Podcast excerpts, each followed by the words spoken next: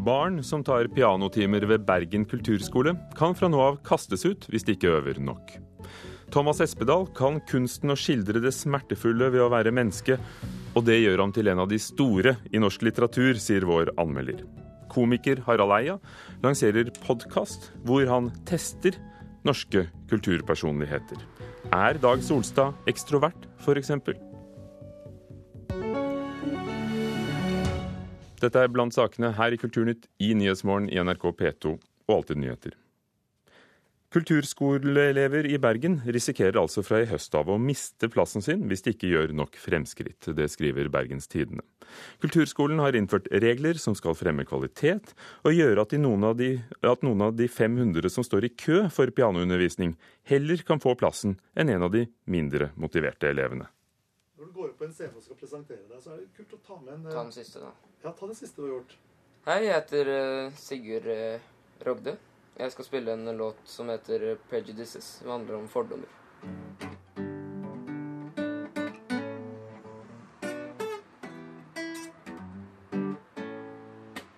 Do you see that man yelling? I'm sure it's a psychopath. Or that girl with the cheap purse.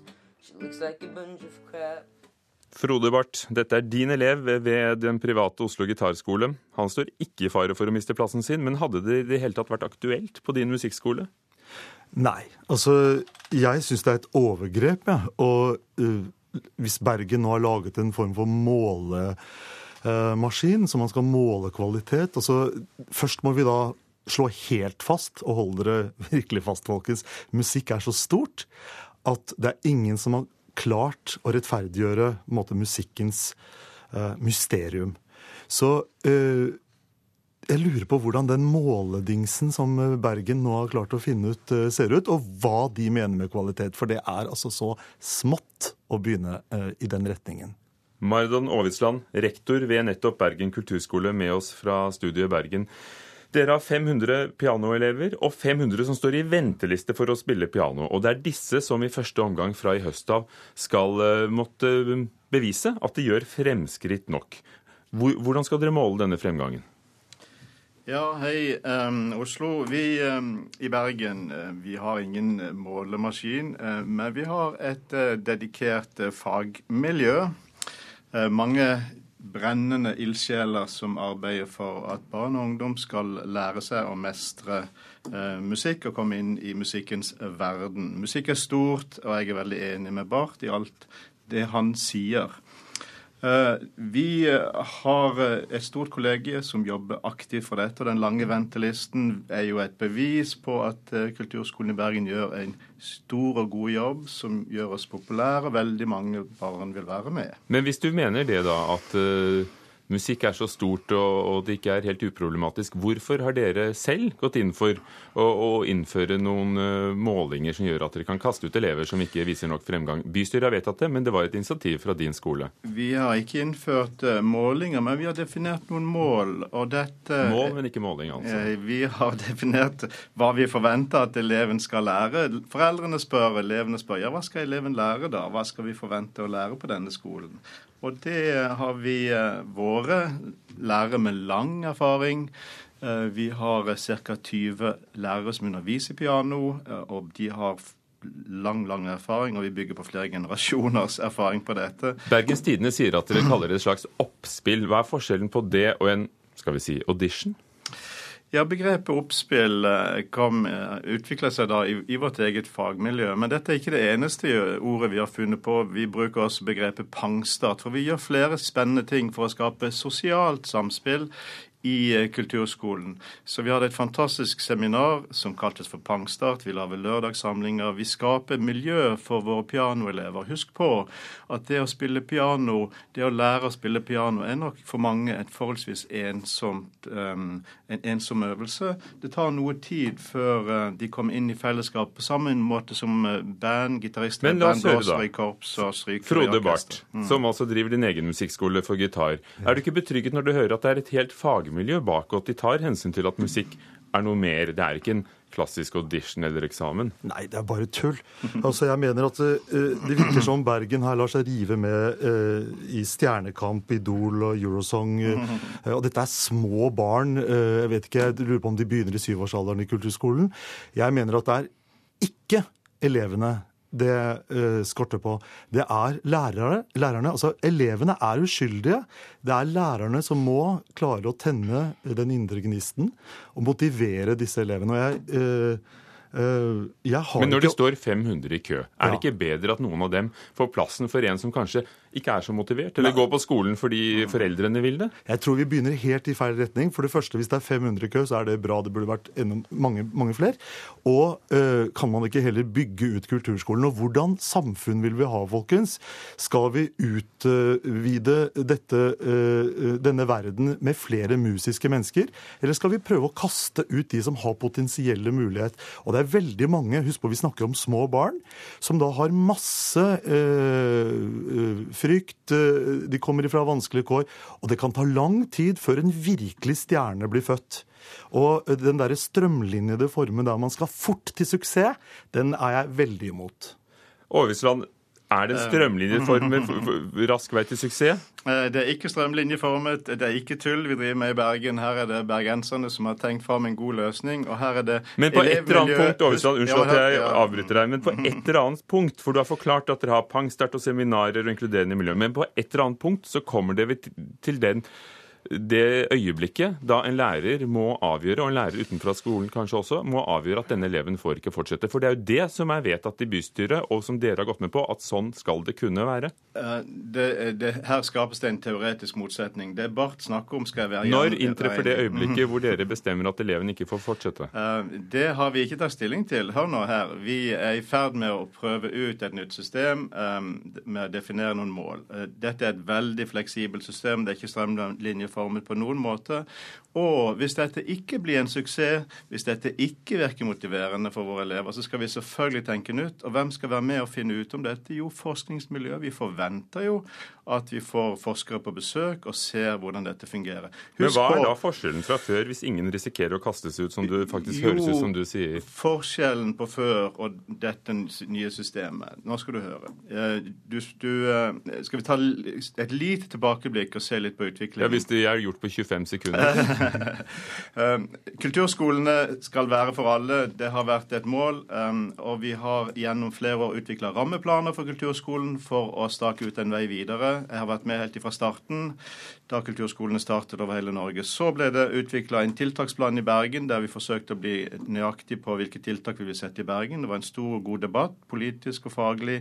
Så er det utvikla fagplaner. Det gjorde vi for snart ti år i Bergen, iallfall seks år siden de ble bestemt. Og fagplaner er jo noe som er under kontinuerlig utvikling. Og nå, først nå, eh, gjøres det et arbeid på nasjonalt nivå. Altså Norsk kulturskoleråd skal behandle forslag til fagplaner på sin, eh, sin samling nå i høst. Så fagplaner kommer. Vi har hatt flere år med utvikling av individuelle opplæringsplaner. Det er individuelt tilpasset opplæring. Men vi, det vi viser i Bergen, det er at lærerne våre ser elevene. Og når vi ser elevene, så viser vi at vi tror på eleven. Når vi tror på elevene, så har vi tydelig forventning til læringsutbytte. Med den troen avbryte deg. Frode Barth, kort sluttreplikk. Er det ikke urimelig å stille krav til musikkelever? Det er helt urimelig å stille sånne krav som Bergen stiller her. Altså, Musikk har eksistert fra primalskriket, og her flytter man bare papirer og lager en masse Takk skal dere ha, begge to. Frode Barth, gitarlærer og som driver gitarskole, og Madden Overstrand, rektor rektor for Bergen kulturskole.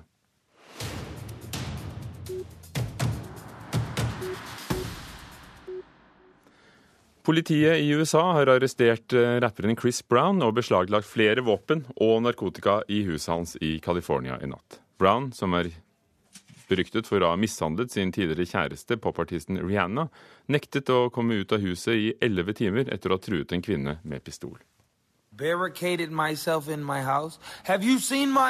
Dette er stemmen til Chris Brown i meldingen han la ut på Instagram i natt. Samtidig sirkler politiet rundt huset hans i California med både biler og helikopter og forsøker å få artisten ut.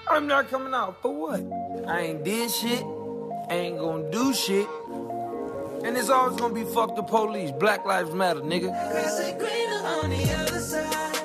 Den amerikanske rapperen som spilte i Oslo Spektrum i begynnelsen av juni i år, gjør narr av det han leser om seg selv på nettet, og sier han ikke har barrikadert seg og heller ikke har gjort noe ulovlig. Men politiloggen sier noe annet. En kvinne som var på fest hos Brown i natt, ringte nemlig politiet og sa at han hadde rettet en pistol mot henne under en krangel. We have a woman that called for help around 3 o'clock this morning. Patrol officers responded. Uh, they, they, they got her, they talked to her a little bit.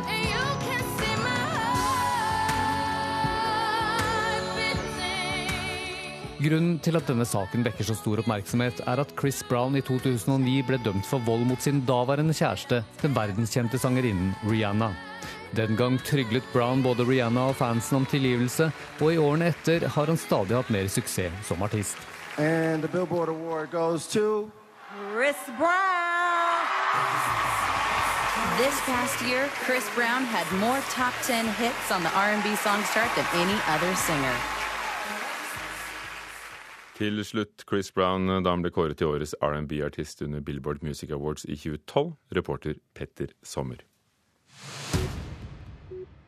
I årevis har forfatteren Thomas Espedal gitt kritikere hodebry. Hør bare på de tidligere titlene Gå eller kunsten å leve et vilt og poetisk liv, eller Imot kunsten. Begge disse ble nominert til Nordisk råds litteraturpris. Den siste boken hans, som kommer nå, heter Året. Knut Hoem, NRKs kritiker, hva var vanskeligheten her for deg som kritiker? Nei, Det er jo vanskelig å sjangerbestemme dem. Altså, eh, Espedal sier jo sjøl at han er en romantiker som skriver roman. Eh, Jeg har vel egentlig alltid tenkt at han skriver dagbøker. Eh, Som han offentliggjør, eh, men i siste boken så står det vel også at han skriver, alt han skriver er brev. Så det er veldig sånn eh, Det er vanskelig å plassere han i sjangermessig bås, og denne gangen også så er det mer bruk av linjeskift enn tidligere i hans nye bok her, som altså heter Året. Og Her står det f.eks. når han beskriver hvordan det å være, ha vært lenge i utlandet og være ekstremt ensom og få en sånn følelse av fremmedhet, så skriver han du heter solen som lyser opp gardinet, du heter lukten av nytrukket kaffe, du heter musikk fra reiseradioen, du heter hviledag, du heter søndag, du heter savn, du kunne hete hva som helst. Det er lenge siden noen har sagt navnet ditt. Og det er jo paradokset da med å reise til utlandet, og plutselig så føler du deg dønn ensom, og glemmer så å si hva du sjøl heter. Og det er på en måte den innledende moduset i, eh, i denne her boken. Og hvorfor gjør Espedal det på dette viset? Nei, altså Det å skrive en tekst som ligner på dikt, er jo, eh, forteller meg jo annet eh, det som jo er typisk for Espedal, at han alltid beskriver en eller annen indre sjelelig tilstand. Og det gjør jo gjerne lyrikere. Denne gangen handler det om å være forlatt av Janne. eh, Og Janne har han jo vært forlatt av en stund. Og det er jo ikke sånn at historien om Janne begynner med denne boken. Vi har jo kunnet forholde oss til Janne også f.eks. i boken 'Bergeners', som kom for noen år siden. Da sitter de jo på restaurant i New York og er dødslykkelige. helt inntil hun sier det at når vi kommer hjem igjen, Thomas, da skal, vi, da skal jeg gå fra deg.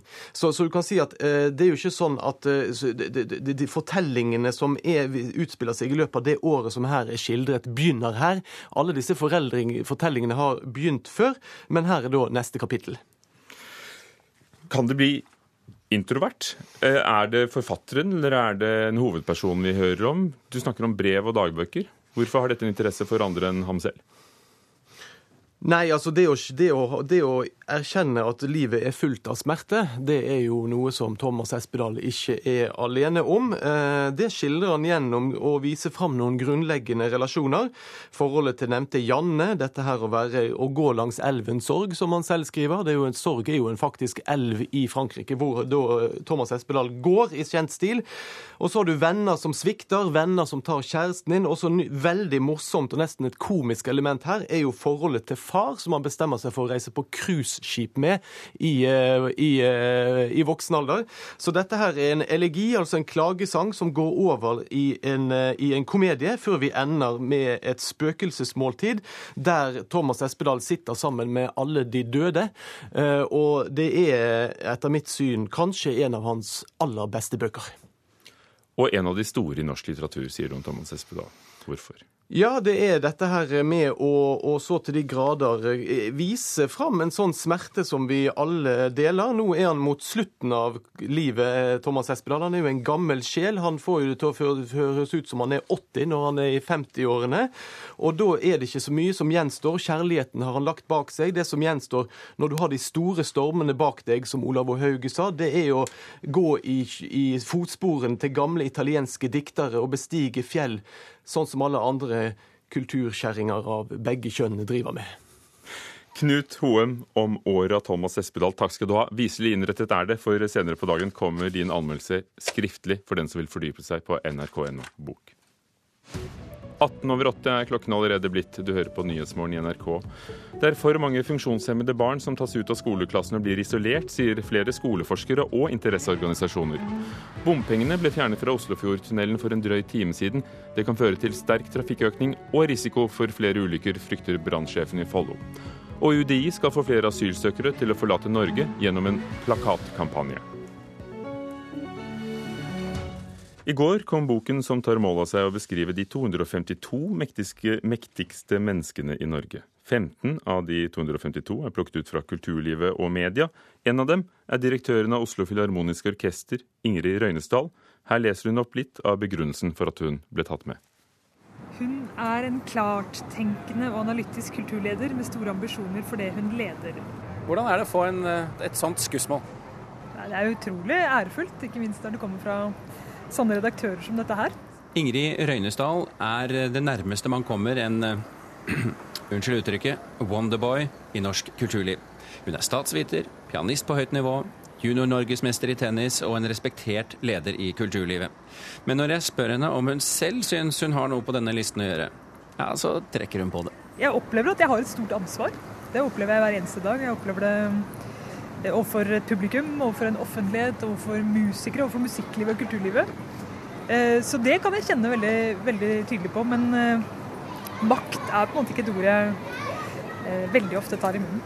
Også teatersjef ved Det Norske Teatret, Erik Ulfsby, er fornøyd med å komme med på denne listen. Men syns han at han har nok makt? Ja, jeg skulle selvfølgelig gjerne hatt enda mer, men det er klart at man er jo en aktør. Altså det er klart, Vi slåss for vår plass, og da, da er man jo en spiller, en, en aktør. Det er klart det er åpenbart. Men å være en spiller uten makt er egentlig ingenting.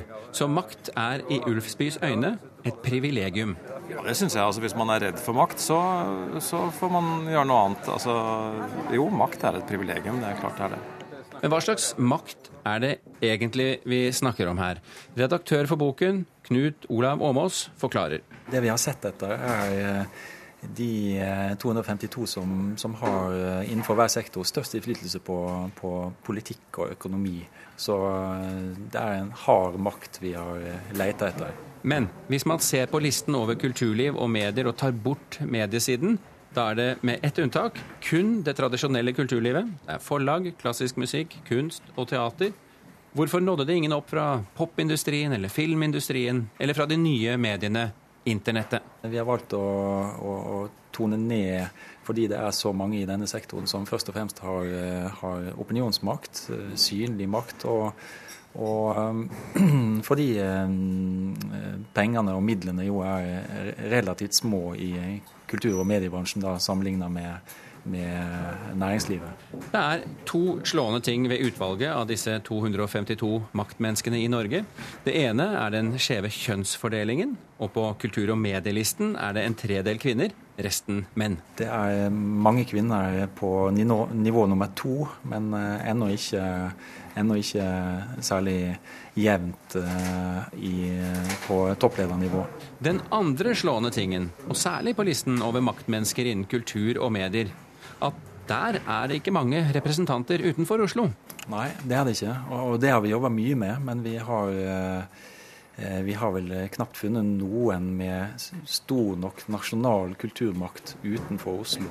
Sånn mener vi at det dessverre er. Knut Olav Åmås, redaktør for boken med de 252 mektigste, til reporter Birger Kolsrud Jåsund. Agnes Moxnes, kulturkommentator i NRK. Vi hørte om en såkalt hard maktdefinisjon. Hva gjør det med utvalget som kommer på listen? Vi snakker også om litt my, altså den litt mykere makten her, og, og, det er heller ikke det området hvor politikerne fighter mest eh, voldsomt i det offentlige rom om kulturpolitikk. Jeg syns vel heller at det utvalget dette, dette redaktørkollegiet har gjort, er litt støvete. Og, og, definitivt så er det utført av eh, folk som er Altså en gruppe som er sterkt mannsdominert, og hvor de aller fleste holder til i Oslo. Hva ligger i støvete? Det er mange unge mennesker der også? Ja, altså Det er fem personer på denne lista over folk med makt i medier og kulturliv. Så her er selvfølgelig gutta fra mediebransjen. Eh, de er eh, på, altså fra Skipsted, NRK og TV 2. De er på plass her. Men de som virkelig påvirker liksom, Medie-Norge og våre alles liv for tiden, de er ikke der. Og da snakker jeg om Google, Facebook, eh, Amazon og Netflix. Bokbransjen er grundig på plass på denne lista, men, men eh, de har mindre politisk gjennomslagskraft nå enn de hadde under den rød-grønne regjeringen. Og jeg savner folk som f.eks. Kygo og, og Knausgård, som har utrolig stor påvirkningskraft. Og når det gjelder Knausgård, så påvirker han måten det skrives på i dette landet, hvordan vi snakker om litteratur. Han er mannen utlandet henvender seg til når det skal sies noe om Norge. Får voldsom medieoppmerksomhet. I går var det premiere på Riksteatrets utgave av Min kamp, altså dramatiseringen av denne, eh, disse bøkene til Knausgård. Og som vi meldte i Kulturnytt i forrige uke, vel, så får altså Knausgård disponere Munch-museet neste sommer. Kjønnsfordelingen i medie- og kulturlivet er omtrent som på de andre samfunnsområdene. Speiler det virkeligheten, tror du, eller bokens redaksjon?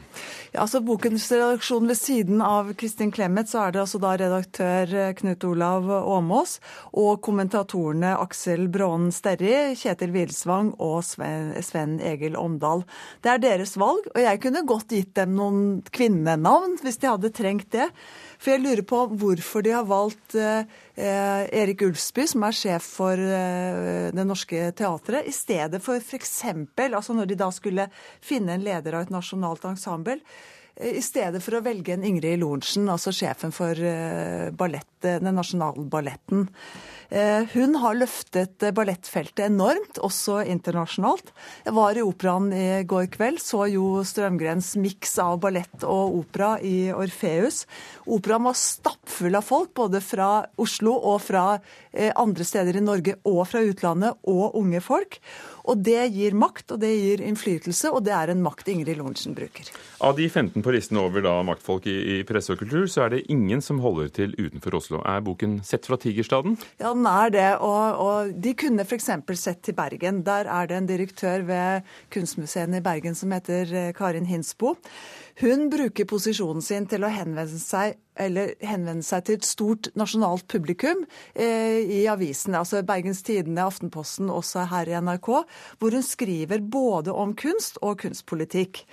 Hun tenker i nye baner, og hun har definitivt ørene til politikerne. Så kunne de sett til Harstad, til den nye sjefen for Festspillene i Nord-Norge, eh, Maria Utsi, som er definitivt nå en premissleverandør for hvor, hvordan politikere skal realisere en mindre sentralisert kulturpolitikk. Og når du sier dette, Agnes, dette, Agnes Moxnes, er det ut fra et ønske om at makten burde vært mer fordelt, eller ut fra at du mener at den faktisk er det? Jeg mener det. At den faktisk er det.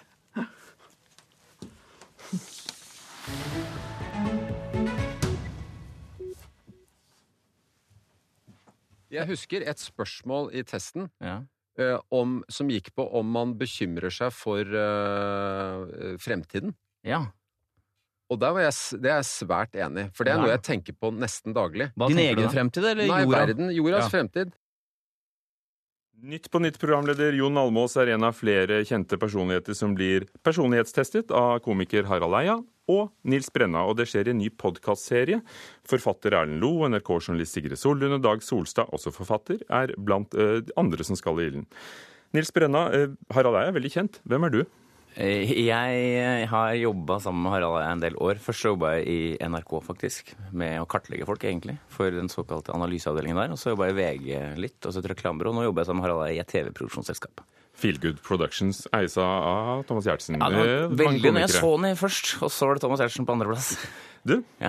Eh, Du er jo nettopp analytiker og, og holder foredrag om folk flest, og har brukt store deler av karrieren på å analysere hva eh, folk eh, driver med og folk vil ha. Hvorfor tror du de vil ha denne podkasten? Ja, jeg tror de, de som vil ha den, vil ha den fordi de tenker at det kan være interessant at man kobler hva skal vi si, psykologi, følelser med litt sånn vitenskapelig metode. da. Så at man kartlegger så grundig som mulig. Man kan liksom bli kjent med folk på en annen måte. I stedet for å høre dem og se dem sånn som man gjør til vanlig, så kommer man liksom mer un, eh, inn under huden på dem. Gjør dere det med personlighetstester? Tror du på det? Ja, jeg tror på det. Jeg tror på det, Og det er et, det er et viktig spørsmål du stiller. Jeg, jeg er av dem som tror på det. Mange tror på det. Mange psykologer tror på det. Noen er mer kritiske. Men jeg mener man kommer ganske langt i å se Jeg ble f.eks.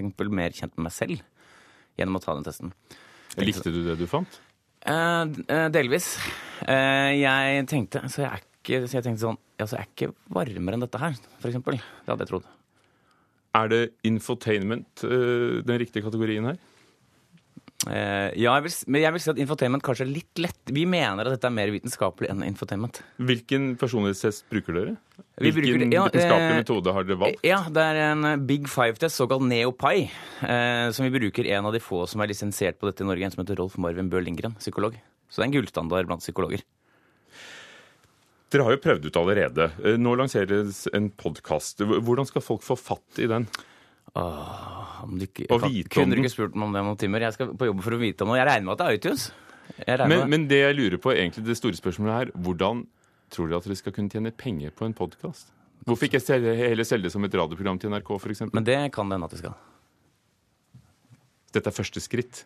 Kanskje.